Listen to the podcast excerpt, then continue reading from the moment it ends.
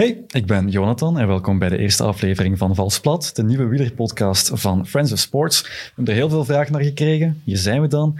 Een beetje te laat, maar uh, patience is a virtue. En ik zit er niet alleen. Bij mij zit uh, Jappe Toten, vaste gast. Stel je eens heel vlug voor. Goh, um, van waar zouden mensen mij kunnen kennen? Dat is de vraag. Uh, ja, inderdaad. Um, ja, ik ben een van de vaste figuren bij Radio Stelvio, de eerste Vlaamse wielerpodcast. En sinds vorige week ben ik... Af, allee, als de toerrenners aankomen voor 30 seconden tot een minuut te horen op Stubru. Dus uh, vandaar. Ik ben ook iemand dat heel veel fietst. Uh, fietsen is ook wel ja, passie in mijn leven, zowel actief. Uh, dus mm -hmm. het zelf doen, passief het volgen. Um, ook, ook op een, ja, kan ik het zeggen, toch wel al iets of wat compet competitiever niveau. Echt? Dus ja. ja, ik kwam eigenlijk dit jaar smijten in het uh, circuit. Maar ja, corona gooide er goed in het eten. Friends of Sports. Het moet binnen zijn. En hier gaat Pantani. Gilbert wordt weer kampioen. Tommeke, Tommeke, wat doe je nu? Tom Boon is wereldkampioen! Niet te geloven! Jappe, we hebben vandaag nog een centrale gast. Dat is vandaag Dirk van Nijverseel. Jullie kennen elkaar, hè? Wij kennen elkaar niet, maar uh, ik heb ook voor Play, ik heb voor Sports gewerkt. Ik heb op de, op de bon van Woestijnvis gestaan. En uh, ja, de laatste twee seizoenen zijn uitgezonden geweest door door Play Sports, denk ik, de laatste twee. En ik deed de inplanning van de programma's en ook ik uh, volgde mee de trailers op. En ja, dat is eigenlijk... Ja, Dirk zit hier nu, maar dat is wel ik kan dat wel zeggen, een van mijn lievelingsprogramma's. Dus dat, dat voelde wel een beetje als een eer aan. En ik vond dat super tof om daar eigenlijk ja, voor 1% mee in contact te komen. Dus, compliment. Uh, ja, dank je. Ah, het gaat over de reeks Belgasport, want hij heeft de naam nog Ah ja, oké. Okay. Dus we gaan nog even ja, pluggen. ja, amai. Maar, ja. uh, zeg maar. Ja, nee, ik, uh, ik ben eigenlijk in 2005 bij Woestijnvis begonnen, eigenlijk met als ja, doel van een sportdocumentaire programma. Toen noemden we het nog oorspronkelijk History of Sport. Mhm. Mm -hmm. Een hele een hoogdravende titel. We hebben dat dan heel snel omgedoopt naar, uh, naar Belgasport. Um, en ik ben sindsdien achter de schermen altijd een van de drijvende krachten daar geweest. Uh, ik werk ook al sinds 2010 voor Flanders Classics tijdens het wielervoorjaar. Dus Ja. al een tijdje actief in, in het wielrennen. Ik ben ook ooit uh, begonnen in de wielren, in de uh, Vlaamse Wielrijdersbond. Uh, Ah, de VWV. De VWV, Ja, ja, ja. om een beetje te koersen. Maar die dagen liggen al lang achter mij. Oké. Waar we jou wel zeker van kunnen kennen is One Year in Bloom, de documentaire over Quickstep. 2016 of 2017? 2016. Ja, heb je dus een heel jaar gevolgd, de camera's staan erop. Maar zijn er dan ook nog dingen die er niet in mogen? Um, eruit ja, er waren zeker een aantal dingen die er niet in mochten. Maar verbazend genoeg waren dat eigenlijk niet de dingen waarvan je op voorhand dacht van oei, dat gaan we er niet mogen insteken. Want we hebben eigenlijk all access gekregen. Want er stonden veel in hun bloot ook, hè? Ja. Echt, ja, allee, Dus er waren drie dingen die er eigenlijk niet in mochten. Dat waren eh, het gevloek van Davide Bramati. Mocht er voor een stukje niet in. Omdat Niet hij, in echt? Ah, ja. Nee, omdat eh, Bramati zijn eh geliefkoosde vloek was Dio Cane of Dio Porco. Ja. Wat eigenlijk eh, ja, god van de hond of god van het varken, Varken, ja. eh, vrij vertaald. Oké. Eh, maar in Italië is eh, vloeken, allee, of de, de naam van God eh, schaden is altijd blasfemie. Is altijd, eh, Godslastering. ja, godslastering is eigenlijk nog een soort van... eh staat een boete op. Dus dat moest er eigenlijk allemaal echt? uit... Ja, dat moest eigenlijk allemaal nog uitgeknipt worden. Oh, ah. En in Italië zijn ze nog iets godsvrezender dan hier ook. Dus dat was een probleem. Ehm, er zaten een aantal dingen in. eh, ja, sponsordeals waar wij geen rekening mee hadden. Die, en dan vooral eh, naakte renners. Omdat de cameraatjes liepen eigenlijk non-stop op de bus. Eigenlijk op het moment dat zij toekwamen, schakelden wij de cameraatjes aan. ehm, de soundrecorder ging aan en dan konden we van de, moesten we van de, van de ploegbus. Maar natuurlijk, ja, we konden ze pas gaan afzetten als de renners er, er terug uit waren. Dus ook na het douchen. Ehm, en we hadden de afspraak dat ehm, half naakt mocht, maar volledig naakt mochten we niet, eh, niet gebruiken. halfnaakt dan? Hoe is het dat je dat- Ja, de half naakt was het, bovenlijf. hè. Dus dat, zolang dat de koersbroek aanbleef, eh, wisten ze dat we het mochten gebruiken. En een aantal hebben dat ook tegen ons gebruikt. Die, eh, er was een renner die bijvoorbeeld tijdens een aantal voorjaarswedstrijden op de eerste bank ging zitten in zijn, ja, volledig een blote en dan een zalfje ging smeren onder zijn, eh, zijn geslachtsdelen, al grijnzend in de camera, want dan wisten van, dat mag je toch niet gebruiken. Ja, zo. Die belen zijn trouwens vernietigd geweest, dus die, die bestaan niet meer. Ja, de leuze van die eh, documentaire is eh, die uitspraak van Tom Boni geworden van Sometimes you don't need a plan, sometimes you just need big balls. Ja. Is die ploeg van Quickstep nog te vergelijken met die van vandaag? Qua statuur, qua werking? Ehm, nee, nee. Voor een deel omdat de, de klassieke ploeg van toen is eigenlijk ontmanteld. Terpstra is weg, Bonen is weg, ehm, Trentin is weg. Er zijn toch een aantal hele sterke renners die weggegaan zijn. Anderzijds denk ik wel dat de filosofie erachter en de figuur van Patrick Lefevre is gebleven. Tuurlijk. Dus op dat vlak is er weinig veranderd. Want Mhm. dat is Quickstep wel, en dat hebben we ook in die documentaire gemerkt. Quickstep is een familie. En veel, meer dan, of veel minder dan bij andere ploegen is daar quasi geen verloop van personeel ook niet. De ploegleiders van tien jaar geleden of van vijf jaar geleden zijn nog steeds dezelfde als vandaag. Is dat zo uniek? Ja, dat is vrij uniek, zeker in het wielrennen. Uh, Kijk nu maar, naar, dat gaat, naar Lotto zelfs ook. Ja. Eh, Ze hebben ook al een paar mensen ontslaan, dus... eh, maar het gaat verder dan de ploegleiders. Het zijn nog altijd dezelfde mechaniekers, dezelfde soigneurs die je daar... Die, die waren daar vijf jaar geleden. En als ik nu kijk naar wie er, de renner staat op te wachten aan de streep, dat is nog altijd dezelfde eh soigneur die daar staat. Dus dat is iets vrij uniek. En dat is toch wel het, het, eh, de basis van zo'n ploeg. Ehm, dus in dat opzicht is er weinig veranderd. Ik denk dat ze op termijn wel... en Dat merk je misschien nu ook wel al. Dat merken we nu al. Hè. Ja. Ja. ze zijn echt aan het bouwen naar, ja, ik weet wat je wilt zeggen, Ja. echt naar de ploeg rond Remco. Want Ja. ze hebben dan nu al met Almeida, Bagioli, Mhm. eh, zelfs Mauri van Zevenand. Ja, ik denk ook wel dat, ehm, ik denk dat Lefevre misschien al officieel op pensioen is, of, vol- of volgend jaar. Hij is pensioensgerechtigd. dus pensioensgerechtigd. En eh, ik denk dat hem wel ehm, de grote ronde wilt winnen of de Tour wilt winnen en dan echt finaal wilt af, afzwaaien. En je merkt wel dat ze echt een ploeg aan het bouwen zijn rond Remco. En ja, ze hebben, ze hebben momenteel echt wel al die mannen om dat binnen twee jaar wel te doen, denk ik. Dan Eh, dus, er wel allemaal geraakt. Het zijn allemaal jonge mensen die rond Evenepoel zouden moeten gaan staan. ja. Die moeten... Ik vind het niet onrealistisch dat de koning zou ombouwen tot een ploeg rond Remco, maar er zou toch wel heel veel moeten gebeuren. Want dat is niet waar dat de koning Ja, maar ik denk dat Lefevre... Je mag ook niet vergeten dat het, het budget van Quickstep is niet exponentieel gegroeid met het aantal overwinningen dat ze geboekt hebben. Ehm, als je eens gaat nakijken wie dat er eigenlijk op de shirt staat, Ja. dat is- een cirkel van 20 kilometer rond Wevelgem. Daar komen 90% van de sponsors van Quickstep uit. Maar ik vind dat ook uh, Lefevre, ja, ik ga er even op inpikken, daar ook altijd nogal uh, Calimero-achtig over doe. Van, we hebben een, een, een, een, laag budget, maar als je dan kijkt in de lijst, ik denk dat ze toch ook wel vijfde of zo staan. Dus ze, ze hebben wel... Allee, het is niet dat ze met, um, met, met, met drinkgeld eigenlijk een ploeg samenstellen. Dat is ook niet waar, want Alain Philippe staat ook nog in de top 5 van best verdienende renners. Dus die kunnen ze ook betalen. Hè. Dus uh, ja... Ja, zeker. Maar ik denk dat hij vooral probeert nu om een, een ploeg met jonge gasten aan te schaffen.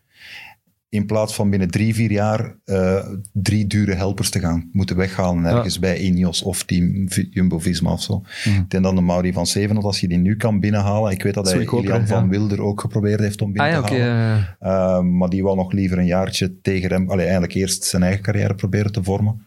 Dus hij is daar toch wel mee bezig, denk ik, om eigenlijk voor een goedkoop bedrag daar een ploeg rond Remco te... Want als je ziet ook Kwiatkowski, die, uh, dat is een van de superhelpers van, van, van Ineos. Ik, had het daar juist over die top 5 van, van grootverdieners, die staat er ook in. En ja, die, die haalt ook niet meer het niveau van, van Weleer. Dus ja, ik weet niet. Dat, ik vrees ervoor hè, dat ze die helemaal hebben opgereden. Dus uh, ja... We zijn eigenlijk een beetje afgedwaald, want we zijn eigenlijk van a year in blue naar uh, Quickstep gegaan. Mijn vraag is dan aan u, komt er nog een second year in blue? Um, ik zou wel willen. Um, zou, zou, Patrick, zou, Patrick, willen? Ja, dat weet ik niet. Ik denk dat er... Uh, je mag niet vergeten dat we dat gemaakt hebben in de periode nog net voor de echt grote opkomst van social media. Dus de ploegen waren daar nog niet echt mee bezig, met achter de schermen in kijk te brengen. En ze hebben dat wel gemerkt door Warrior in Blue, dat daar potentieel in zat. Quickstep is daar nadien ook wel mee mm -hmm. begonnen. Een van de niet, zijn niet alleen, maar zijn een aantal ploegen daarmee begonnen. EF is daar het beste voorbeeld van, EF Education. Zalige content. Uh, die brengen echt content. Dus ik vraag mij af dat het eh, als buitenstaander nog zo makkelijk is om in een ploeg binnen te geraken. Allee, om het nog eens op, op zo'n manier te kunnen Ik doen. bedoel als extern productiehuis, extern omdat ze nu ja. eigenlijk al zelf die mensen hebben om Ja.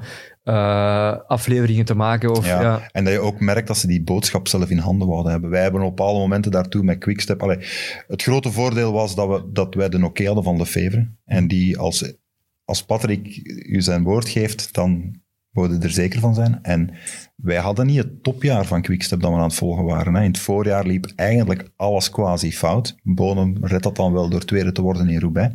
Dat maakte het Eh, ook mooi. Hè? Het tragische maakte het ook nog... Het maakte het mooi, maar in de Tour de France waren ze daar toen... En ze hebben toen in die Giro met Kittel vijf ritten gewonnen. Ze gingen naar de Tour eigenlijk geen proloog, spurt in op de eerste dag. We gaan geel pakken. Dat lukt dan niet. Dat slaagt eigenlijk allemaal tegen. Kittel wint daar nog één sprintje tegen Kokar, waar dat ze eigenlijk na de streep niet wisten van wie er gewonnen had. Ehm, Die helm in twee in de bus. ja, ja, dus er was wel crisisvergadering. En op zo'n moment zeiden niet gewild hè, als cameraploeg.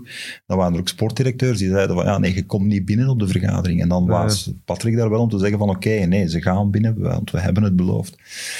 Ik weet niet dat je die toegang nu nog krijgt, want ze hebben nu allemaal ook wel door dat door social media en zo kan je de boodschap wel beter vormen. Je kan brengen Ja. wat je wilt. Je merkt dat in het voetbal ook, in de sport in het algemeen.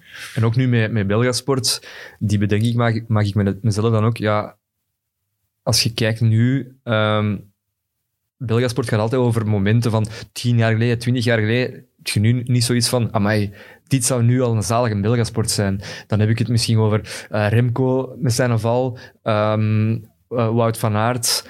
ehm, is er hier al iets een keer... Ik heb een zwart boekje waar ik constant dingen in noteer die Ah, wel, voilà. mogelijk binnen 20 jaar een Belgasport kunnen opleveren. Ik ga nooit een Belgasport maken, maar ik maak die bedenking ook soms bij mezelf van, ja, amai, dat zou echt wel een, go- een goed verhaal zijn. Of Ja, het, komen die er nog trouwens? Want Eh, Belgasport ligt nu even stil, omdat we daar vooral een beetje in problemen zitten met de voetbalonderwerpen. De grote, echte voetbalthema's of grote voetbaldocus zijn daar gemaakt. Maar daar komen er binnen dit en vijf jaar weer een aantal aan. Een van de grote regels bij Belgasport was dat wij heel vaak, we hebben daar een paar keer een uitzondering op gemaakt, maar dat wij docus maakten over mensen die gestopt moesten zijn. Omdat zolang dat sporters nog actief waren, spreken ze toch altijd met de handrem op. eh, Ja, dat is toch altijd een beetje moeilijker. ja, wij maakten ook altijd op de redactie zo'n beetje de mop van, als het over een dode gaat, dan marcheert het altijd. Dan is het altijd goed. Dat is ook zo. Pa. Ja. Dus bekeken Belgasport gaat Ja. over eh, overleden sporters. Ehm, dus ja, dat, dat is een beetje een moeilijke. Maar ik, ik hoop van binnen dit en een aantal jaar de, de reeks terug te kunnen Want je hebt, je hebt vooral eigenlijk de Belgasports gemaakt over de koers. Want Mm, wat is ja. uw favoriet? Of, of kunnen of Die ik zelf gemaakt heb, Ja. of, of mijn... over de koers, of ook erbuiten? Allee, Eh, een, van de, ja, een van de mooiste die ik vond was, was Formule 1. ah ja. Die, van, eh, die van Michael Schumacher. Vond ik heel tof. Ja, toen, heel, toen hebben jullie heel, dat Eh, heel dat circuit toen nagebouwd. Ja. eh, met, maquette, met maquette, omdat het Formule 1-archief zo duur was. Ehm, Ah, ja, juist, ja. en persoonlijk, een waar, waar ik het meest van al van genoten heb om te maken, was ehm, een minder bekende, maar dat was die van de Lotto-ploeg. Ah ja, oké. Eh, Dat is een van de, voor, oei, de voorlaatste eh, reeks of zo. Ja, Ja. eh, over die vijf renners die toen uit de Tour gezet zijn en waar Lotto in één rit naar La Plagne. Een befaamde bergrit waar eh, ze met vijf man uit koers waren.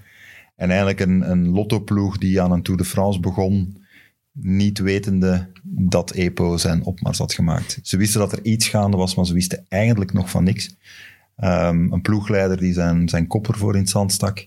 En dat heeft vijf gasten hun carrière gekost. Heb jij al gezien? eh, Ik heb het niet gezien, maar waarom die dan om te maken? Huiswerk voor vanavond. hè. Ja, dat ga ik doen.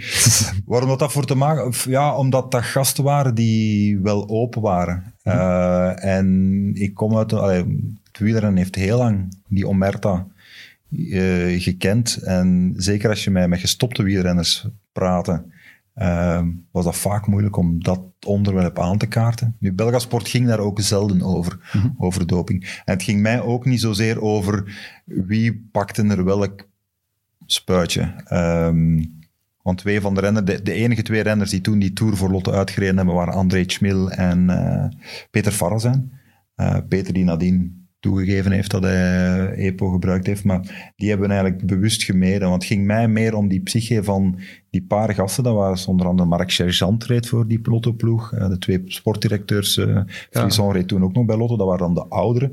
Maar Mario de Klerk reed voor die ploeg. eh Sammy Moreels reed daarvoor. Peter, de Klerk. ja. Hè, Peter de Klerk kan je, was eigenlijk een beetje de Thomas de Gent van zijn periode. was een, een oersterke kerel die, die eigenlijk het peloton eind jaren tachtig in, in Gort reed. Dat iedereen... Ja, want ik, ik kende die eigenlijk niet. Ja, Ik dacht dat ik wel de eh, Vlaamse coureurs kende, ook in de jaren 80, 90. En dan sindsdien doken ben, ik- ben, ik- ben ik daar zelfs van verschoten hoe goed dat hij wel niet was. Ja. En die zijn carrière is eigenlijk genekt geweest door dat ineens... Ja, toen konden ze ineens van, van ezels koerspaarden maken. En dat psychologisch eh, aspect vond ik wel heel leuk om eens eh, te onderzoeken. Eh, hoe gingen die kerels daarmee om? Wat, wat, wat doe je daarmee? Als je als jonge gast heel je leven ervan gedroomd hebt om profrenner te worden. En dan ja, komt uiteindelijk voor een, voor, een, wordt voor een keuze geplaatst. Ofwel doe je mee en dan realiseert je een droom. Ofwel zijn het ethisch zo verantwoord en zeg je van ja, ja ik stop ermee. Want, of ik moet, moet, moet ook iets pakken wat ik niet wil. Je hebt daar juist ook verteld dat je bij de VW VWV hebt gekoerst. Heb je daar ook dingen gezien? Of, of dingen gehoord? Of zelf de kans gehad? Hm. Dat zijn drie vragen of drie. dus, Ik moet zeggen, ik heb maar één seizoentje een paar wedstrijden meegereden. Maar ja, je ziet daar inderdaad, hè, dat, Oh, was, ja. dat was heel vaak, en zeker in, in eind 2000, allee, hoe lager je afzakte, hoe meer er genomen werd. dat was gewoon zo. Ehm, je zag daar gasten inderdaad eh, spuitjes letterlijk gewoon aan de camionet of eh, in de garage. Of je zag ze daar nog gauw een paar, eh, een paar pillen naar binnen werken, waarvan dat je, het kon even goed vitamine C zijn, maar het kon even goed eh Dat is op een vitamine manier de omgekeerde logica ook, want dat kost geld. En waarom zijn het dan de kleintjes die dat gaan doen? Ja, maar je mag ook niet vergeten dat wielrennen wel uit een, uit een, een sport is waar in die lagere regionen heel veel jongens dromen van een grote carrière en daar ook veel voor over hebben. Er zijn verhalen van, van wielerploegen, zelfs op, op continentaal niveau, waar je renners een bepaald loon kregen, maar onder tafel een stuk moesten teruggeven. En die eigenlijk investeren in hun carrière en er alles voor zouden doen om, om toch maar dat plaatje te veroveren en dan ja, stapje per stapje. Zo zelfs op pro-continentaal niveau heb je ook ploegen, ja, misschien gaan die naam niet noemen, waar dat je coureurs zelf hun eigen hebben ingekocht, omdat papa heeft een bouwbedrijf. Of, dus eh, ja, Ja, dat is van alle tijden. Dat is van alle In- tijden, In, de jaren zeventig van de Flandria-ploeg eh, mocht elke fietsenmaker die Flandria-fietsen verkocht ook Meer, eh, de eh, coureur afvaardigen die met Freddy Maartens mee mocht gaan rijden in de Tour de France. Van wanneer komt die Lotto-documentaire? Want dan kijk ik die vanavond is. Ik wel weten. Van, Van, van wanneer? Van welk jaar? eh, het, is van de, 95. Of wat bedoelt je juist? het gaat over de Tour van wordt die 95. Tour- eh, Oké, en die is uitgekomen. Wanneer? eh, twee jaar geleden, denk ik, hebben we die gemaakt. Hij, hij zal dat misschien niet graag horen, maar hij zal dat wel weten, maar het staat gewoon op YouTube. Hè. Ja. Dus, eh, En we laten ze, er ook, wel op- ergens. we laten ze ook er gewoon op staan. Anders sturen we hem al een mailtje, dan bezorg ik de link wel. Dat is ook mooi. We gaan nog eens terug naar de Koning Quickstep. We zijn er begonnen. De derde keer dat we terugkeren. Doen ze het goed in de Tour? Nu. ja, dat denk ik wel. Hè. Ja, vind dat ze, ik wacht ze nog zijn wel- begonnen, maar ze zijn... Ik wacht Het nog wel op een, een op een stil. ritzegen van Sam Bennett. En misschien gaat hem dat morgen wel doen. En ik had hem al getipt voor de vrijdag. Alleen voor elke sp- spurters-etappe. Mhm. Ze hebben daar ook wel de ploeg voor. Maar ja, ik merk ook wel dat hij voor dat groen aan het gaan is. Misschien, ja, hij is ook nog wel in de running voor dat groen. Eh, maar ja, zijn ze slecht, zijn ze, ja, ik zie dat je twijfelt. Ja, ze hebben al geel gedragen, ze hebben een rit gewonnen. Ja, ze zijn goed bezig, hè. punt. Ja, maar mij, wel, wat aan mij wel opviel, was dat bijvoorbeeld in een, een wire-etappe Quickstep niet meedeed. En dat is wel voor het eerst in... Ja. ja, sinds mensenheugen is dat Quick... Allee, daar waren zij gekend voor een paar jaar Klopt, geleden. klopt. Die befaamde wire-rit waar ze samen met Belkin toen eigenlijk de, de Tour in brand staken. Dat heb ik wel een beetje gemist. Ja, want ik stuurde al naar vrienden eh, de vrijdag van ja, het zijn wires. En twee ploegen hebben de, de memo gehad van de wires. En dat zijn eh, Jumbo en, eh, en de Koning en de Movies hebben de, de memo niet gehad. Maar nu, hadden ze bij Quickstep, was het ook niet echt aangekomen. Maar ja, dat is ook, daar komt heel veel geluk bij kijken ook natuurlijk. Hè. Ja, Er, er, zijn, er zijn 20 of 30 zitjes voor eh 50 man. Allee, er zijn maar een bepaald aantal zitjes. ja, maar vroeger, vroeger waren ze, of de voorbije jaren waren ze meestal wel sterk genoeg om te om bepalen te wie maken. in die ja, zitjes voilà. zat. Ja, ja. En nu moesten ze ondergaan. Maar dat heeft ook te maken met de sterkte van Bennett, denk ik. Ik denk dat Bennett zich daar een beetje liet in verrassen. En dat ze daar op een bepaald moment hebben moeten gokken op twee paarden. Van ja, laten we hem achter of beschermen hem. Mhm. Ehm, ik vind dat Alaphilippe een klein beetje tegenvalt. Nu, hij heeft een rit gewonnen, inderdaad geel. Ja. Maar ik denk dat vooral Frankrijk hoopte op meer. Ehm, Ja, heel veel mensen hoopten op meer. En ik, ik zag dat soms ook in, in tourlijstjes terugkomen. Uh, Ala Philippe rijdt op 10. Ja, in geen miljoen jaar dat ik dat dacht. Denk jij ook niet. Um, Zo'n tour gelijk vorig jaar. Dat, dat, gaan we niet meer krijgen. Dat, nee, maar ik mis gelijk wat ambitie bij de koning. Ik weet niet waarom dat ze hier... Allee, inderdaad voor Bennett, om maar iets zeggen staan. Ja. Ala Philippe af en toe is. Maar Goh. Ik, voel op een manier geen... Het hoeft geen plan te zijn per se, maar... Nu ja, uiteindelijk zijn we negen etappes ver. Ze hebben er één van gewonnen voilà. en ze hebben een dag de gele, of twee dagen gele trui. En het is en blijft ook wel een, een, een, een semi-vrijbuitersploeg. Hè. Zit er daar met Alaphilippe en nog een paar mannetjes. En met Devenijns, maar ook met, met, met Bennett. Uh, hmm. Ja, ze, ze mikken op verschillende paarden. Dus... Dat, het, wat is het plan? Dat is vooral rittenkapen en, en, en, en uh, publiciteit pakken. Dus, uh... Nu, anderzijds gaan ze ook wel in de fout met die een uh, bidonwissel, of bidon aan ja. Philippe. Want dat kost hen wel een paar dagen gele trui. En dan zou de perceptie toch anders geweest zijn. Want dan zouden ze wel gereden hebben voor Philippe en die gele trui beschermd hebben. En dan vraag ik me ook af of dat Philippe zou gekraakt zijn in die eerste bergrit daar waar hij zich laat, uh, laat uitzakken. Dus... Ja, maar nu laat hem zich wel inderdaad uitzakken. Um, dus ja, goh ze missen inderdaad wel een paar, paar, dagen geel en dat is iets stom, maar uh, ja. ja, ik vind, ik weet niet goed, ja, missen ze ambitie? Nee, ik vind dat niet. Um, ja, het ding is gewoon, ze mikken op verschillende, op, op verschillende paarden en ik denk dat ze, ze zullen nog wel een, een, een rit winnen. En eventueel zelfs met Cavagna. Um, die zit ook in vorm, dus ja, ja, maar dat is het net, want ze hebben inderdaad wel mensen waarmee dat ze iets kunnen doen. Ja. Maar het, of misschien heeft het te maken met de manier waarop dat ik kijk, maar ik zie ze gelijk te weinig. Ja. Ja, dat is ook omdat je ze vorig jaar zoveel gezien hebt. Dat, dat kan ja, te maken en ze hebben ook niet echt, ze hebben ook niet echt een klimmer mee. Ja, Alaphilippe is een klimmer, maar ze, hebben niet, ja, ze koersen niet van voor als bergop gaan. Hmm. Dat is wel het verschil met vorig jaar. Ook al, ja, vorig jaar hadden ze natuurlijk ook al mas. Dus uh, ja, Nee, ja, en ik denk dat je ook niet mag onderschatten hoe snel er wordt gereden in deze Tour de France. Ja, ik heb het ook gelezen vandaag. Het is, uh, als je ziet wat Oliver Naassen voilà, uh, ja. uitsprak en wat hij nog een aantal aan de wattages. Uh, Poyacar die 45 seconden sneller rijdt op de Paris Sourde ja. dan het record van Vinocourt of Mayo. Ja, dan gaat het echt wel heel hard. Dus ik, mm. ja. Maar wel een paar dingetjes die daarbij helpen met terugwind en... Zeker, maar je mag het ook niet vergeten dat nee, dat toch wel... Het is record. Mayo en Vinokourov hebben heel hun carrière rugwind gehad. Ja. Dus ja. Okay. dat is een uitspraak. Het is vandaag de eerste rustdag in de Tour. Ik heb een gedichtje geschreven om dat uh, samen te vatten. De eerste Tourweek, de eerste negen etappes. Amai. Klaar? Ja, je verrast ons een beetje. Ik had het op Twitter al aangekondigd. Ah ja, oké. Okay. Uh, maar je hebt geen Twitter, We dus moeten nu allemaal volgen? Graag. Oké. Okay, uh, naam is gewoon met de penningen. Ah ja, Heel ja. exclusief. Nee van Jurgen? Nee, oké. Ik heb het anders geschreven. In tijden waar het besmettingsgevaar hoog oploopt, is het de thuiskijker die op drie weken televisievertier hoopt. De Ronde van Frankrijk gaat meteen bergop. Het klinkt als het begin van een mislukte Belgemop. Want er is er eentje die dat allemaal ridiculiseert. Eentje die de goddelijke veelzijdigheid personifieert. Van aard, buitenaards, maar gekleed in een rol kleiner dan die van Kees Pol. Het grote Franse wielertoneel kan rekenen op een oerdegelijk supportersteveel, opgekropt en vaak onbeschermd langs de weg. De renner die gedisciplineerd voorzorgen neemt, tja, pech. Het geregelneef rond de befaamde tourbubbel plooit net zoals de rug van Pinot. Dubbel. De tour was weken voor de start al beslist. Het is die andere Sloveen die alles uitwist. Ode aan Pogacar, die doorprikte door Jumbo en Ineos gecontroleerde boel. En toch vraag ik mij af, wat was de tour met Mathieu van der Poel? Goh, amai. Dankjewel, dankjewel. Inderdaad. De vraag Nice, stel nice, ik nice. ook wel nog eens wat op. Allee, stel dat Van der Poel hier meedeed. Hij ging waarschijnlijk niet mee, hij mikte op de Vuelta, dacht ik in het begin van dit seizoen.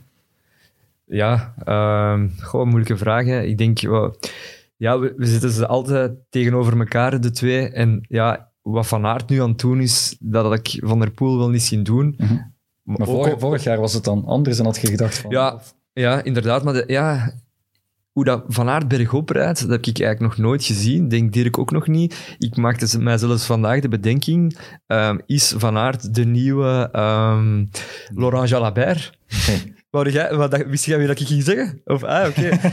Nee, hij is misschien niet... nee, ja, ik vind dat nog wel een goede vergelijking. Ja, waarom? Ontkracht dit subiet allemaal. Ehm, maar hij gaat wel nooit de Vuelta winnen. Dat niet. Maar hij kan wel eh, de groene trui winnen, klassiekers winnen, monumenten winnen, eh, wereldkampioen tijdrijden worden. Ehm, dus ja, ik vind ook Jalabert een van de, ehm, in het moderne wielrennen, de allrounder. Ja. En Van Aert, ja, wat hij nu laat zien, dat is echt, vind ik, waanzinnig.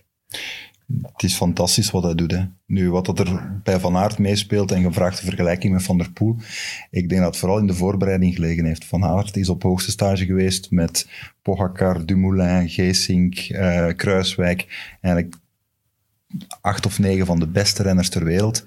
Dan met alle respect voor Tim Merlier. Ja, Ja, het niveau van Alpecin lag gewoon een pak lager.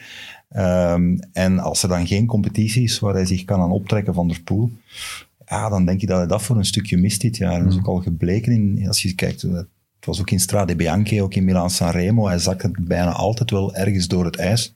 Door ja, ja dat, is, dat zijn grote woorden. Ja, dat Maar, zijn grote woorden. eh, en, en, maar ja, als je naar de resultaten kijkt, uiteindelijk is het wel zo. Ehm, dus had hij hetzelfde kunnen doen als Wout in deze Tour? Dat denk ik niet. Had hij een rit kunnen winnen en een sp- en een massaspurt kunnen winnen? Vraag Dat, ik mij ook af. dat denk ik Nee. eventueel wel. Eh, maar ja, hij zou ook in, in een andere rol rondrijden als, als Van Aert. Ja, hij zou zich zelfs meer kunnen sparen en, en zo meer kansen hebben. Want hoe dat Van Aert ja, domineert in de bergen en een dag daarna eh, een spurtetappe wint, ja, dat zie ik Van der Poel momenteel nog niet doen. En ik denk dat ook na deze Tour Van Aert zijn niveau wel zal, een beetje zal afgebot zijn. Dat kan ook niet anders, denk ik. Eh, en dan gaan we wel een mooie clash in, in, in Ik denk wel dat, dat Van Aert het totaal niet erg vindt dat hij niet, niet echt geholpen wordt, dat hij geen knechten heeft. Ik denk dat hij beter tot zijn recht komt als hij alles alleen mag doen. Als je ziet in die sprint, Maar ja, er is geen druk, hè? nee, Allee, wel dat ook, maar hij haakt zich gewoon ergens aan aan een ander treintje en die komt eruit. Ik denk, en dat is waarschijnlijk hetzelfde met Van der Poel, ik denk dat hij alles liever alleen doet. Goh, dat is... eh, ik In het kijk veldrijden doen ze dat ook? Ja, het zijn al twee individualisten. hè. Ze komen ja. uit Ja. het veldrijden, wat dan een individualistische sport is. Ehm, maar ik denk dat Van Aert zich wel geschikt heeft naar het Jumbo-protocol. Mhm. Want je mag niet vergeten dat daar toch een aantal... allee, dat, dat, is een, dat is een van de meest moderne ploegen die er op dit moment Ja. zijn in het wielrennen, met heel veel protocollen en regels. En als je kijkt naar wat ze met voeding doen en met training en Met de Foodcoach-app. ja, en iemand als Marijn Zeeman, is iemand die niet echt bekend is eh, bij het grote publiek, maar dat is een van de coaches eh, in, in, het, in het moderne wielrennen. Als je dan kijkt naar, naar Alpecin, waar alles rond Van der Poel draait, die, die ploeg bestaat bij de gratie van Mathieu Van der Poel. Dus ja, dat is een andere ingesteldheid. En ehm, ik moet wel zeggen dat ik Van Aert, als ik hem vorig jaar tegenkwam, eh, of in zijn Kreeland-periode nog, toen we, hij reed ook een hele goede ronde van Vlaanderen. Maar het is een andere atleet geworden. Ja, want er wordt dan eh, over gezegd en over getweet. En Rasmussen ook over, eh, gisteren of eergisteren, van ja, eh, je moet maar een Colombiaan zijn van 55 kilo en je moet maar worden gelost door iemand van 80 kilo. Nee, Van Aert weegt geen 78 tot 80 kilo. Gelijk heel veel mensen zeggen, die weegt veel minder. Eh, hij geeft zijn gewicht niet prijs. Als je kijkt ook zijn armpjes, hij is super mager geworden. Hè? Tegenover, ja, gelijk dat je zelf zegt, de Krelan-periode, meer die ja, power, powerman. Maar nu, ja, je ziet het als een, als een zo over de meet komt, die armpjes zijn nog dunner dan die van mij. Ja, en hij heeft ook, ook een geweldige mentale weerbaarheid. Denk dat dat een van zijn sterkste punten is. En dan mag je niet vergeten dat hij uit, uit het veldrijden komt waar je week na week vernederd wordt. Hè? Want je bent wereldkampioen jaar na jaar en je wordt daar elke week eigenlijk door diezelfde coureur. Er wordt met u gespeeld, een soort van kat- en muisspelletje, want Van der Poel wist van ik kan sneller demareren en hij ging weg en dan liet hij Van Aert terugkomen tot op een paar honderd meter en dan demareerde hij nog eens en dan was hem definitief weg. Maar week na week kon hij zich wel opladen om ja, zich te blijven motiveren. En dat is toch een soort van mentale weerbaarheid als je ook ziet welke tegenslag van waar Van Aert komt. Eh, niet lang na het ongeval hoorde ik toch dokters, allee, mensen uit, uit, eh, uit eh, de, de kring van Van Aert zeggen van ja, we weten niet of dit nog goed komt. Gaat hem überhaupt nog kunnen koersen? Want als je die beelden bekijkt, eh, als hem aan het revalideren is met hoe dat hem de beelden nu... Ja, oké, dat is logisch, maar qua scherpte in zijn gezicht... En, ja, die stond ook zoveel, zoveel zwaarder. Logisch, natuurlijk. Eh, maar om even terug te komen naar de vergelijking met Jalabert. Je geeft het niet op. hè? Ja, nee, ik weet het. Ik vind dat wel interessant, omdat hij direct aan het nee knikken was. Nee, omdat ik van, haar, van ik schat Van Aert hoger in. Dat is... Ik vond uh, Jalabert was een spurter waar ze, allee, hij geeft het nog altijd niet toe, maar die chemisch eh, getransformeerd geweest is in een, in een klimmer. Tuurlijk, ja, een Ehm, kerosineboy, hè, zoals we zeggen. Ehm, en ik vind het altijd schandalig dat hem die heeft toegegeven, maar wat. Eh, ik schat Van Aert hoger in. Ehm, ja, hoe dat hij toch eh, klassiekers wint, hoe dat hij op alle terreinen meespeelt en domineert. Hè. Ik denk dat hij op een bepaald moment, allee, los van, van de echte aankomsten bergop, is hij op dit moment de strafste renner in de Tour de France. Ja, Want sowieso, veruit. Het is inderdaad... constant gezegd ik vond vooral die hè. Die waaierrit is, is impressionant. Als je, iemand- Ik weet niet of je de reactie van Dumoulin ziet na de aankomst in die Dus hij heeft daar een hele dag met, met, Ah ja, met hem met, met, met, ja. met Roglic Ja. in zijn wiel, in, uit de wind gezet, alle gaten toegereden, gezien dat hij altijd goed zit. En dan met het gemak waarmee hij die rit nog wint. En je ziet eh, Dumoulin naar hem rijden na de, na de finish en zeggen van, wat doe jij nou, jongen? Hoe sterk ben Ja. jij? En dat is dan Tom Dumoulin die dat zegt, ook een van de beste renners ter wereld. Dus ik denk dat het respect binnen het peloton ook zo groot is voor hem. Ja, dat is toch eh, dat is nog van... Ja, uiteindelijk had hem zich wel al geschikt in die rol, denk ik, op stage. Maar door te winnen in Sanremo en de Strade heeft hem wel laten, laten, laten zien van ja, oké, ehm, geef mij toch een kans. En uiteindelijk, ik denk niet dat dat eigenlijk ging over kans geven, maar hij heeft die ook gewoon genomen. Hè. Allee, ehm, ja, hoe kan ik het zeggen? Ehm, die, ja, hij heeft niet... Ja, ik ben eigenlijk met een, met een, met een kluts een beetje Ja, kwijt. maar, maar dat is het. hè. Hij, moet inderdaad, hij wordt niet gefaciliteerd om in die sprint iets te gaan doen, want hij zit daar alleen. En Ja, en zeker die, die, eerste, die eerste keer één kans. Hij zei het ook de dag ervoor, morgen ga ik mo- meesprinten, want dat was eigenlijk de hamvraag van de Tour. Gaat Wout van Aert zijn, zijn kans krijgen? Direct scoren, dat is, eh, dat scoren aan 100%. Dus eh, ja. Nu, anderzijds, ik vraag me af of hij als een, een, een, een spurt in lijn is tegen Ewan en tegen een Bennett, of dat hij dat kan halen. ja, hij heeft dat vorig jaar al bewezen natuurlijk. maar dat maar was dat ook was een wire, dat was ook eh, was een af- ja. afgebotte Ja, was een, van een kleinere kopgroep, dus ik Maar- vraag me dat. Maar vooral ook, gaat hij zich mengen in het gewoel van een massaspurt? wel, de je daar heeft hij gezegd in? van, hij durfde het niet, hè? Nee. toch? Denk het niet, maar ik denk dat hij het wel zou doen op de Champs-Élysées. Intrinsiek zit dat er zeker in. ja. Ik denk het ook. Allee, maar het is vooral die eerste week van mengt je in dat gewoel van de massaspurt, waar dat er 40 man stormt naar die lijn, allemaal denkend van ik ga hier winnen.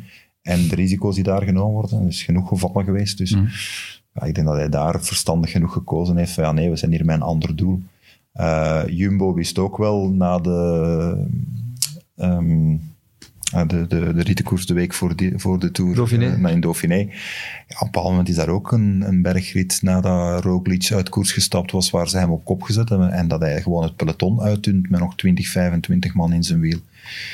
Ja, toen hadden ze ook wel door, er was een reden waarom dat ze Kruisweg niet vervangen hebben door een klimmer. Hè. Want Wout van Aert was gewoon sterk bergop, dus het was niet nodig om dat te doen. Dus ja, ik vind dat hij op dit moment al een fantastische Tour aan het rijden is. Daar kunnen we allemaal eh, akkoord mee gaan. Maar het is vandaag niet alleen de eerste rustdag. Het is ook de dag van de COVID-test. Pronostiekjes. Ja, goh. Het is... eh, Morgen om 9 uur of zo gingen ze de resultaten krijgen. Ja, er werd ook al gezegd dat, dat ze dat waarschijnlijk ook al s'avonds gingen weten. Ehm, maar normaal gezien, ja...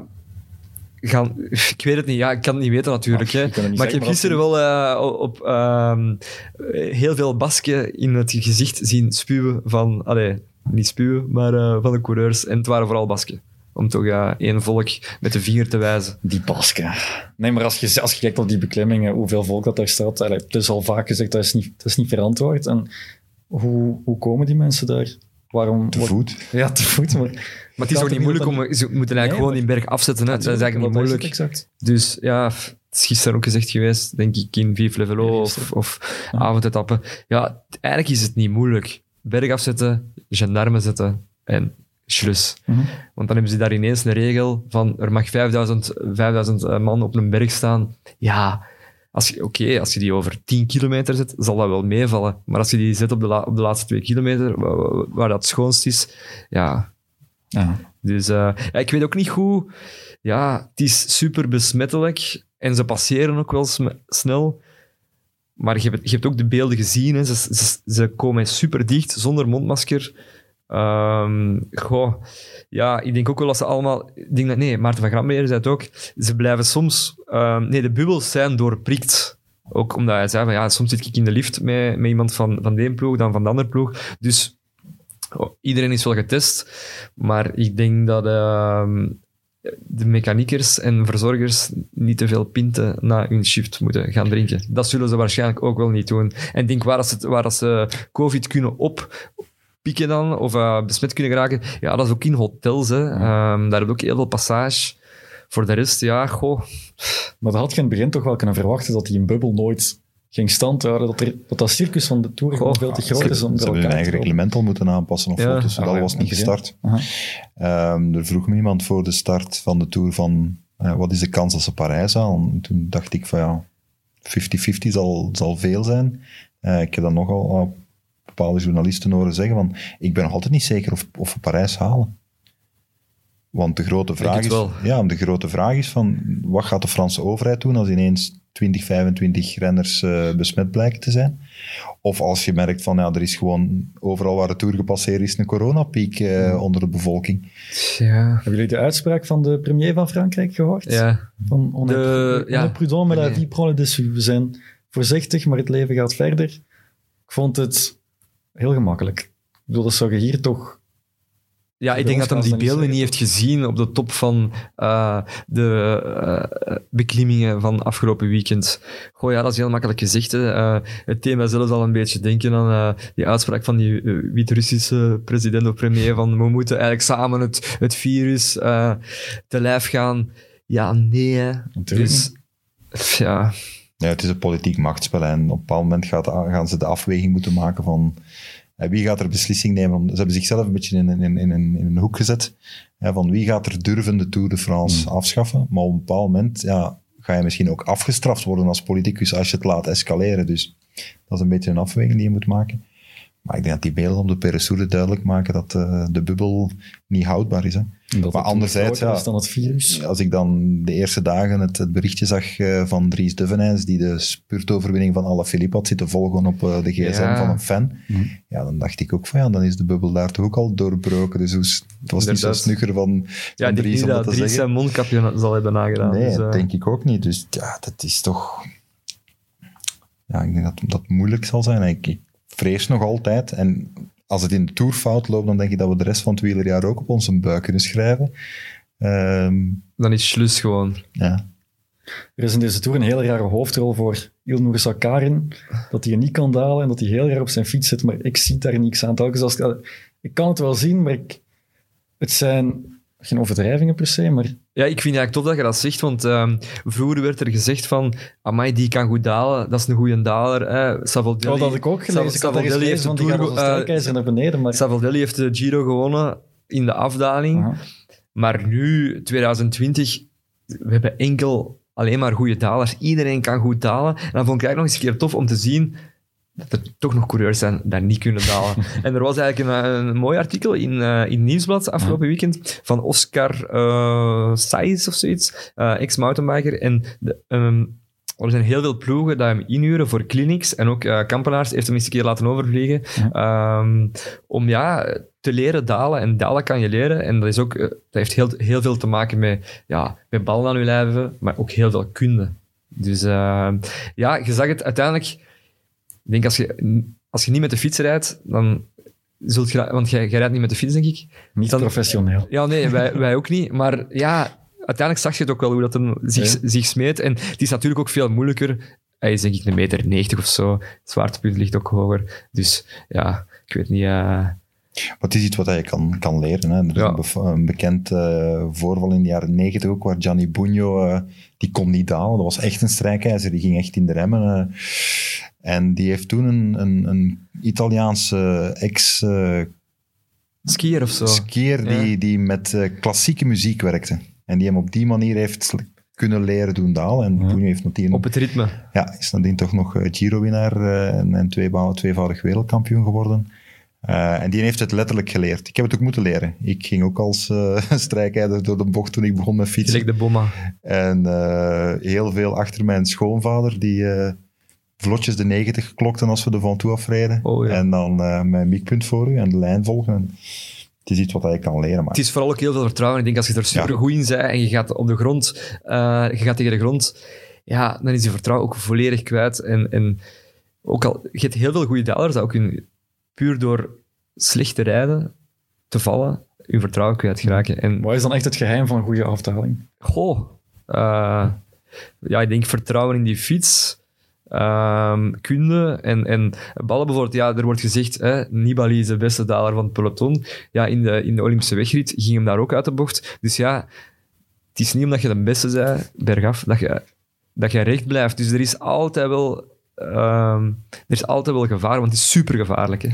Die uitspraak van Bonen geldt daar ook voor. You just need big balls. Ja, voilà. Daar komt het vaak op neer, hè, want we, we spreken allemaal over Nibali, de geweldige daler. Ja. Maar in die regenetappen een paar jaar geleden in de Tour, waar de renner van Movistar hem lost in de afdaling in de regen, die durfde gewoon sneller door de bocht te gaan. Izagirre. Ja, ja. Izagirre door de, ja, die durfde gewoon sneller in de regen naar beneden rijden. Daar komt het gewoon op neer.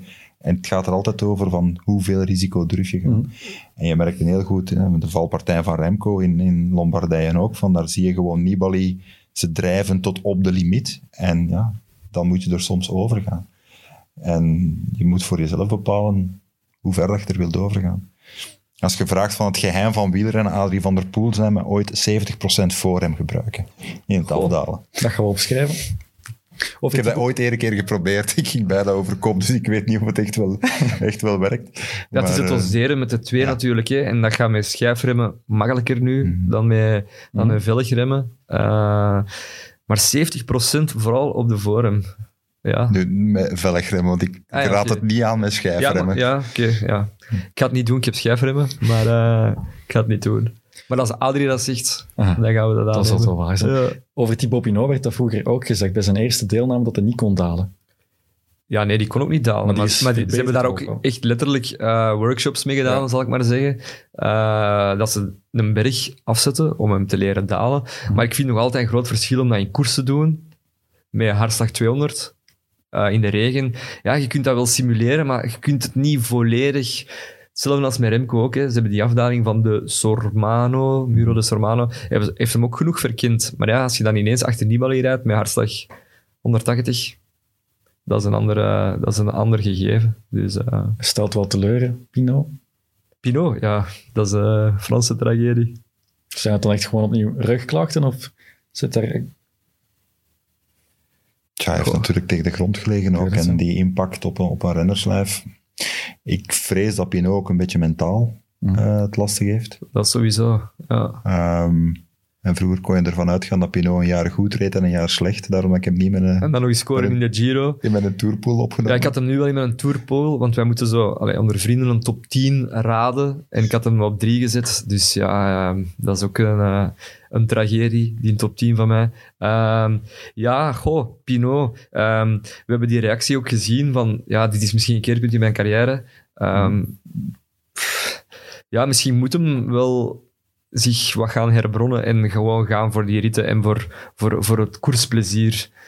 Ik denk dat ze dat, dat Ja. Bardet dat nu ook wel wat meer gaat doen. Je merkt ook gewoon dat heel veel Franse renners ten onder gaan aan Voilà. de druk van de natie. En ik weet niet dat je de beelden gezien hebt. Frans 2 heeft hem, of Frans 1 heeft hem echt letterlijk gevolgd bij het afscheid nemen van zijn geiten en het kussen van de geiten. Ah, en nee, ja. Dus eigenlijk in heel die aanloop naar de Tour, ze hebben dat gedaan met Bardet een paar jaar geleden. Alaphilippe kan dat misschien ook nog eens eh, over zich heen krijgen. Maar nu was Pinot de grote Tourhoop. Ja, je merkt gewoon dat dat soms te veel omdragen Maar wordt. elk jaar vinden ze daar ook opnieuw in. Hè? Nu is Guillaume Martin Ja. goed bezig. Die is de, de, de, de Franse filosoof. Ja. Eh, ik weet niet juist. Mag ik even spieken? Of niet? Van mij mocht je als het niet te lang gaat duren. Ja, zal een Derde ja. denk het. Goh, ja, is dat... eh, ik weet niet. Ik denk dat hij eh, ook wel iets nuchterder is. En ehm, dat is een minder groot talent. Dus die is niet als een komeet binnen, binnengekomen bij de profs. Die, ja, die, die is gestaag bezig aan, aan die opmars eh, elk jaar in de Tour. Dus ik denk dat bij hem dat een iets ander verhaal is. Nu rijdt hij wel bij Koffiedis, dus ja, ze, zullen- ze zullen hem nu wel echt leren kennen. Ja. Ehm, ja, Maar vroeger hadden ze daar ook Pierre Roland in 2010 die ook toerwinnaar ging worden of ging meedoen, maar er is ook niks... We hebben wel nog eens gezien in het begin. van ja helemaal in het begin een kleine ja, stuiptrekking. Daar was hij nog eens. Maar ja, Maar uw mancrush is beter. Mikel Landa. Met een man-crush, ja, dat is echt... eh, ik denk dat dat bij veel eh eh, wielerliefhebbers een man-crush is. Ik weet niet dat dat bij u... Ik vind het een Wie- fantastisch mooie renner op de uw- fiets. Ah, wel, ja, voilà. Dus dat is, eh, dat is een man-crush. eh, een geweldig mooie renner op de fiets, maar ik heb eh, die docu over eh, Movistar gezien. ik ook. En sindsdien neem ik hem nooit meer in een tourploeg op, denk ik. Ja, Want als je het over mentaal zwak spreekt, dan dat, ja, dat, dat kan niet. Wat dat hij daar doet, dat kan niet. Eh, maar hij, ruzie staat er, staat er weer, hè. Gaan ze maar afrijden? Vooralsnog niet. Ja, vooralsnog niet, maar waar gaat hij het winnen? Nee, nergens. Hè. Hij gaat waarschijnlijk... eh we hadden het daar juist over stuiptrekkingen van Pierre Rolland. Eh, hij zal misschien ook wel eens een keer een stuiptrekkingsje hebben in, in de vallei, waar het dat dan niet, eh, Niet het moment is niet, om het niet te het doen. moment is om het te doen. Ja. Ik ben enorm blij dat Mark Hirschi eindelijk, maar ook al op de voorgrond komt. Eindelijk, hoe dat? Eindelijk, omdat ik zo anderhalf jaar aan het denken ben van nu gaat hij doen, nu gaat hij doen. En hij was nog heel jong, hè. Dus nu 22. Ja, Dat het er nu al is, is eigenlijk ook al een wonder, maar het is, ook- het is ook... renner. Het is ook inderdaad, er wordt iets ge- vanuit de achtergrond. Ah, oké, niks. Nee, ja, Mark Hirschi, hè, ehm, ja, Eu- Europees kampioen bij de belofte, wereldkampioen bij de belofte. Ehm, vorig jaar uiteindelijk, ik denk dat hem derde was in de, in de Classica. En dit jaar, ja, dacht dat hij ook wel ging bevestigen. Maar blijkbaar had, hij, had hem iets aan zijn heup, Mhm. ehm, een, een spierscheur dat ze hebben ontdekt. En dan he- hebben ze eigenlijk in de corona-break gebruik gemaakt om eh andere eh, fietspositie ehm, alleen met hem bezig te zijn en een andere fietspositie op poten te zetten. En uiteindelijk, ja, gezien na die coronabreak, lichaam gereset, ja, die staat er. Dat is echt, ja, dat is ook een allrounder. Ehm, die gaan nog veel grote koersen winnen. Daar ben ik zeker van. Je ziet ook in die afdaling, dat is dan ook weer, ja, dat is ook, ja, iedereen kan goed dalen, behalve, Blijkbaar. behalve de Ilnur, de Tsaar. Ehm, dus ja, dat is ook een ex-pistier, 20 jaar, die heeft, ja, ballen aan zijn lijf. Dus daar gaat, ja, ballen aan zijn lijf, ja. Komt altijd terug. Wel. Het enige wat dat er me niet over aan staat, is een begeleider. Ja, dat is een, eh, inderdaad. Maar dat is ook weer zo, zoiets. Ja, Cancellara, het wordt nu allemaal gezegd na zijn carrière. Daar is ook al veel gezegd en geschreven over. Maar ja, ik was vroeger ook natuurlijk niet echt fan. Omdat, ja, als je Bono fan zei, zijn er niet Cancellara fan. Of toch iets minder. Waarom is Cancellara een slechte begeleider? Om, het is bij mij persoonlijk Cancellara. Nee, ik, ik heb de man nooit gemogen, omdat hij gewoon inherent geen leuke persoon is. Eh, in zijn omgang met pers, in omgang met media. Ik, weet me, ik herinner me één ronde van Oman waar we hem moesten interviewen als leider van de wedstrijd. En dat was een soort van halve fontein. Dus hij ging aan de ene kant staan, wij met de cameraploeg daar naartoe. Hij zag ons komen, reed hij naar de andere kant. Wij moesten weer verplaatsen, zag ons komen, reed hij weer. Echt zo spelen met mensen.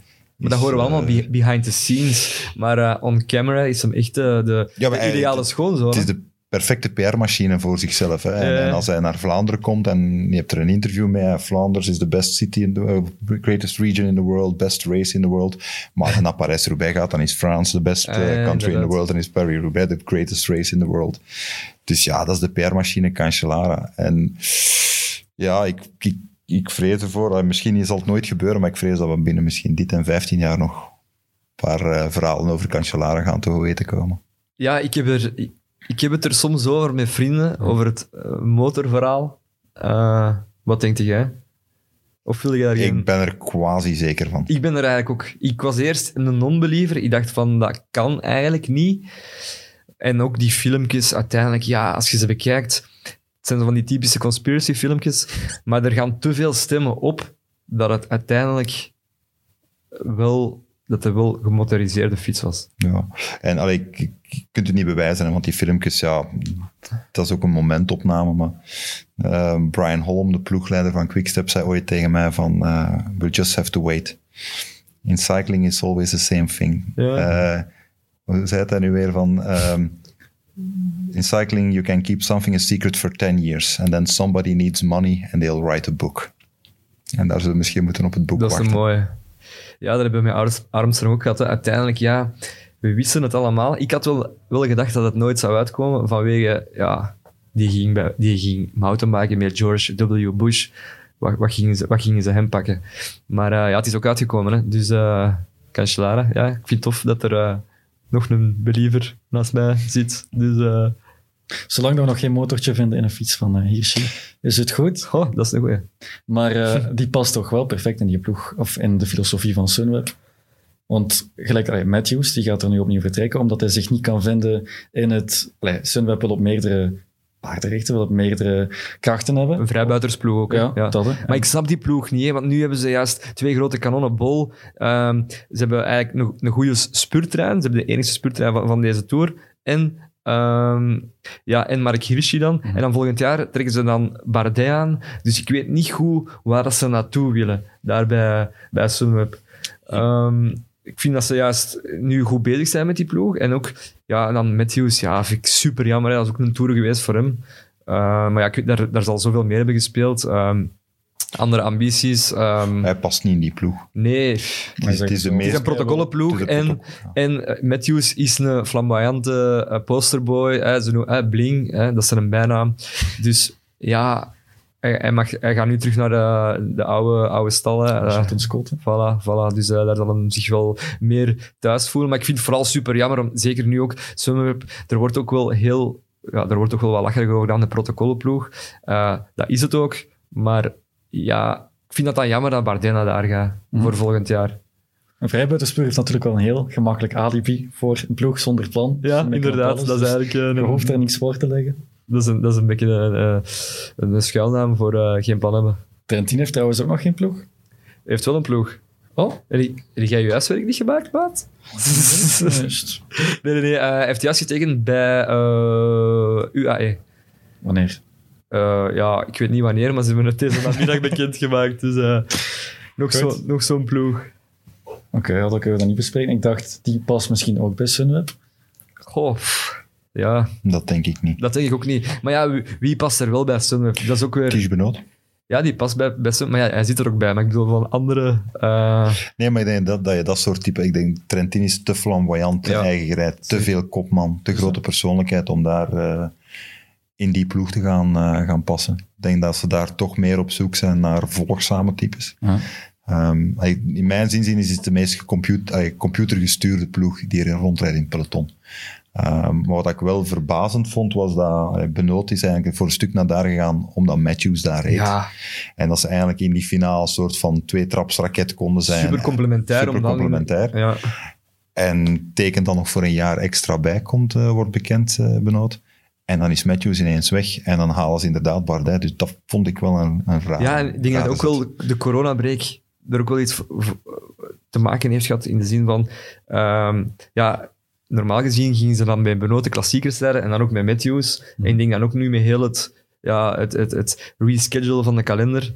En ik denk dat ook Matthews ook wel andere dingen wou. En dan, ja, uiteindelijk gaan ze wel uit elkaar als, eh, ze moeten hem niet afkopen. Eh, hij, mag, ja, hij is uiteindelijk naar, naar, naar gegaan, maar eh, zonder slaande deur. Ja, wel met een slaande deur, maar ze hebben niet echt... eh, kan, ze hebben niet moeten afkopen. Nee, maar ik denk dat, dat, wel, dat het toch op een scharniertje gesneuveld zal zijn. Ze. Ja, Ja, maar ze, ik, bedoel, ik bedoel daarmee, ze konden dat tot, het, tot de spits drijven. Want hij had nog een lopend hij had contract. nog een lopend contract. Dat is eigenlijk het... eh, Maar ja, ik denk ook wel, allee, Matthews een beetje, allee, ik ken hem niet persoonlijk natuurlijk, maar als je zijn, zijn, eh, zijn, zijn parcours bekijkt, ja, als je die niet kan, dat is een ongeleid projectiel geworden. Als die ontevreden is, hoe ga je die nog motiveren om, en dan denk ik dat je er beter korte metten mee maakt en vanaf bent. Maar ik vind wel dat je dan wel eh, mentaal super sterk moet zijn om dan toch Plouet te winnen, vlak voor de Tour. Om dan wel te laten zien van... Ik, hè. Het heeft iets te maken met een ego ook. hè. Van, ik ga me niet bewijzen, ik ga tonen waarom. Dat zijn kampioenen. hè. Ja, wel vaak. Wie is jullie toerrevelatie? Oh. Kan, kun, kun je dat al zeggen na een week? Nee. toch. Maar ja, is, het is, is dagen. is nog een, is, nog een, is hij nog een toerrevelatie? Dat is geen revelatie. hè. Als je derde wordt in de, in de. Nee, nee, niet direct. Gio Martijn vorig jaar ook eh, bewezen dat hij wel een tour aankon. Ehm, Ik vind Hirschi, kan ik wel, vind ik al Ja, een, vind ik wel mooi, een, ja. een, een revelatie eigenlijk. Zeker wat hij gisteren deed, dat is echt ongezien. Maar ja, ze beginnen er altijd zo, tegenwoordig zo jong aan, dat eigenlijk, ja, een, een Pogacar, ja, kun je geen revelatie noemen. Van Aert, ja, misschien, Van Aert is eigenlijk ook wel een revelatie. Eh, de terugkeer van Van Aert is een revelatie. ja. Dat er heel veel vraagtekens waren. Allee, die waren al voor een stuk ingelost door de Strade en Formula Remo. Maar voor het seizoensbegin. Maar dat hij dit doet er opnieuw in de, in de Tour is toch wel misschien de revelatie van de, van de Tour. Ik vraag me ook af, deze Tour waar de Italianen zijn. Heeft er iemand de Italianen eigenlijk gezien of gevonden? Ja, Trentin wil meedoen voor de groene trui. Goh ja, maar ik heb hem nog niet niet gezien. naar huis. Aru, Aru Gate, ook een heel gedoe, naar huis. Eh, Viviani, weet, weet jij waar dat Viviani is? Ergens achteraan in de, Goh jongens, dat is in echt, de groepetten. dat is echt een drama, dat is echt een schande. Ik heb ook eens gezien, de laatste ritten, Ja. er rijdt bijna geen enkel eh, Italiaan in de top 10. Hè. Ik denk Caruso staat 16 en dat is een eerste Italiaan. Die in- naam hoor ik af en toe eens vol. Maar ja, als Caruso al 16 Ja, natuurlijk, staat... Ja. Formolo, waar is die? Die, gaat- in die zal nog wel eens een keer moeten scoren. Allee, ik, ik verwacht die wel Mhm. een van de dagen, van achter in de week, uh, dat die wel eens een keer zal meespringen. Uh, Ik heb die met een toerploeg, dus hij mag eens ja, punten want Ja. anders heb ik niet veel aan. Waar zijn de Italianen? Dat is... eh, Dat is de vraag die we dat kunnen we knippen en op, op Instagram weten jullie waar de Italianen zijn. Kan Pogacar een Tour winnen? Als Bernal en Roglic vallen wel, ja. Maar denk het anders niet. Heb je echt een ploeg nodig? Het is vanzelfsprekend, maar heb je, is het Ja. super noodzakelijk om een ploeg te hebben om een Tour te kunnen winnen? Goh, Ik denk dat de laatste twintig jaar de man met de sterkste ploeg vaak de Tour gewonnen heeft. ja, maar als je dat zoveel... Maar ja, ah, zij hadden ook meestal wel de sterkste man in hun team. En als Pogacar... Pogacar, of Pogacar. Pogacar. Ehm, Het is nog gedrild bij Vive le Velo. ja, inderdaad. Ehm, maar nee, ik denk als, als hem gewoon bergop de beste is en hij kan ook tijdrijden, hij heeft dan Roglic geklopt in het Sloveens kampioenschap, denk ik ook wel dat hij de Tour kan winnen. Ehm, zeker ook... Ja, Roglic, het is ook een, eh, een, een klein enigma. Hoe goed is hij nu echt? Dat is eh, misschien een van de volgende vragen eh, op uw computer. Maar eh, nee, ja. Goh, ehm, ik denk dat misschien wel Pogacar de eerste, de eerste eh, winnaar van de Tour kan zijn met geen ploeg van de laatste 20 jaar. Ik zou het mooi vinden. Of 20 jaar. Ja, ik gun het hem absoluut, hè, maar Natuurlijk. hoe vaak kan je een aanval counteren en, en je moet de wedstrijd kunnen controleren. De, de, verschil, allee, de verschillen zijn ook vaak klein. Hè. Het is vaak mijn, mijn uitval in de laatste kilometer en demarrage. Maar als je wordt aangevallen van op drie, vier kilometer van de top, als Bernal aanvalt en hij moet Bernal gaan halen en Roglic demareert nadien uit zijn wiel, eh, ja, ik kan dat ook maar x aantal keer doen. Dus Mhm. als je dan geen ploegmaats hebt en je raakt altijd snel geïsoleerd in die, die bergritten, Ja, het het is... zal toch moeilijk worden. Ik probeer het ook een beetje, eh, ik weet niet, spannend te Je houden. wilt hem graag zien winnen. hè. Ja, ik, ik denk dat heel veel mensen hem graag zien winnen. Niet voor, zijn, niet voor de ploeg waarvoor hij rijdt, want daar heb ik, daar heb ik ja, vind ik niet echt een eh, leuke ploeg om te volgen. Maar het is echt zo'n attractieve coureur. Absoluut. het is de Eh, enige die de Tour een beetje, span, allee, een beetje Ja. leuk maakt. Het is de enige die aanvalt. Eh, Ik denk dat hem echt kan winnen, maar hij, normaal gezien wint, zal hem de Tour wel niet winnen. Ehm, ik heb lang getwijfeld om Bernal op één te zetten. Uiteindelijk heb ik toch wel het zekere voor het onzekere genomen en Roglic op één gepakt. gezet. Welk? En Landa gepakt. Nee, ja, die staat op één... eh, Oké. Mijn crush. Nee, nee. Ja, Freelanda, inderdaad. Nee, ja, goh. Ehm, ja, Roglic. Het is, het is, het is ook, ja... Wat denkt de Gille van Roglic?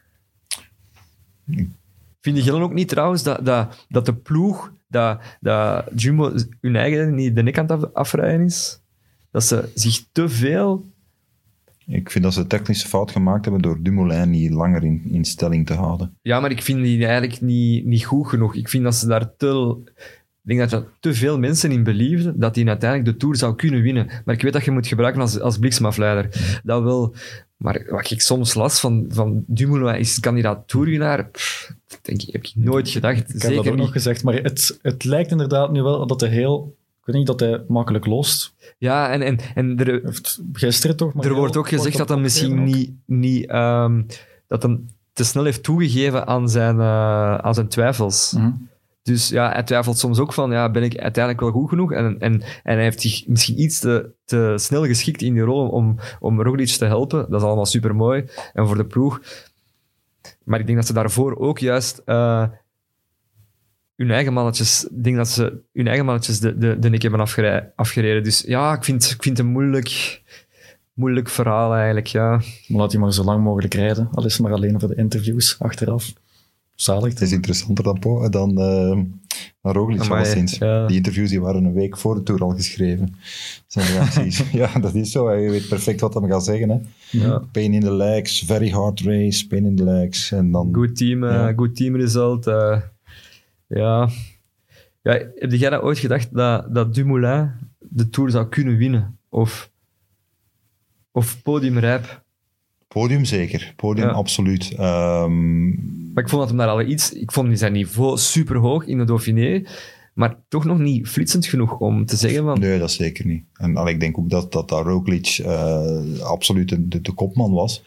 Maar ja, allee, je weet nooit. Hè. Eh, ja, Hij kan, aanvallen, hij kan aanvallen en als ze niet achter jou komen rijden omdat Roglic in je wiel zit, eh, stel nu dat, dat Bernal geel pakte en Dumoulin vertrok Ja. en Bernal reageert niet, want hij zit met Roglic in zijn wiel.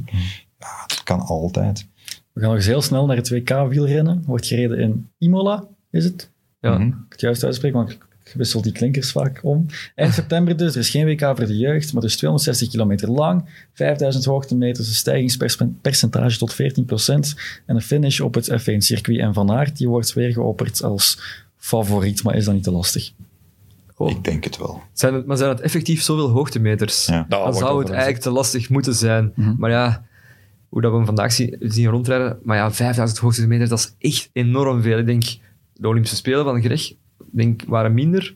En in Innsbruck, twee jaar geleden ook. Ja, dat zijn echt de... Ja, van Greg nu niet, dat is...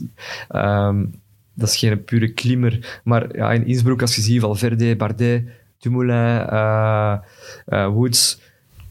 Ja, normaal gezien, als ze echt koersen, dan eh, gaan we het toch wel met andere mannen moeten doen. En dan kijk ik naar Teuns of Benoot of... Nee, Benoot niet. Maar uiteindelijk moeten we hem sowieso meepakken, hè. daar niet van. Hè. Maar, eh, maar zijn er effectief zoveel? Amai, daar verschiet ik zelf van ook. Ja. Ja, ja, het zijn rondjes van 28 28 kilometer. kilometer, want veel mensen denken dat het circuit is kleiner, maar ze rijden eigenlijk Ja. rond het circuit van Imola. En een stuk van het circuit. En elke, elke ronde zo'n stijle puist over. Poeh. Ja, Ik weet het niet. Ik zie het ook. Ik vind het nu te moeilijk. Maar veel zal afhangen van hoe hij de tour, uit de Tour Tuurlijk. komt. Als hij die week eh, nog goed kan overbruggen en hij is goed uit die Tour gekomen, ja, renners die een grote ronde, ja, door een grote ronde komen, kunnen altijd iets meer. ja het is het soms zal, dubbel. Hè. het zal heel moeilijk zijn. Als je, zo- als je ook kijkt, elk jaar in de Klassica, je hebt mannen die heel goed uit de Tour komen, maar ook dat verschil is soms enorm. Dus eh, ja, ik weet niet. Als het zoveel hoogtemeters zijn, eh, ik ben er zelfs een beetje van verschoten. Slecht huiswerk gemaakt. Nu heb ik mijn huiswerk gemaakt. 1-1 dan, hè, als het om fouten gaat. Inderdaad. Nee, ja, goh. Ja, ehm, ja, hij moet sowieso mee. Dus dat, dat staat buiten kijf. En, eh, en hij zal sowieso wel angst in, inboezemen bij heel veel ploegen, want hij is momenteel de beste coureur eh, ter wereld. Dus. En het is niet omdat je de grote favoriet bent, kijk maar naar Van der Poel vorig jaar. De koers moet altijd nog gereden Wie weet komt Mats Pedersen terug om een eh, tweede wereldtitel te halen. Hè? Kan, hè? Dat kan niet. Op dat parcours, die denk ik. Ik vrees er ook voor. Dat gaat toch over wat per kilo. Ik denk niet dat dat aan Mats eh besteed Nee, is. nee, niet. Maar we gaan hierop eindigen. Bedankt om te kijken. Woensdag hebben we met met. Donderdag hebben we Kijk en Rush. En vrijdag X en Ozen. Helemaal juist. Bedankt om te kijken. Tot de volgende keer. Friends of Sports. Het moet binnen zijn. En hier gaat Pantani.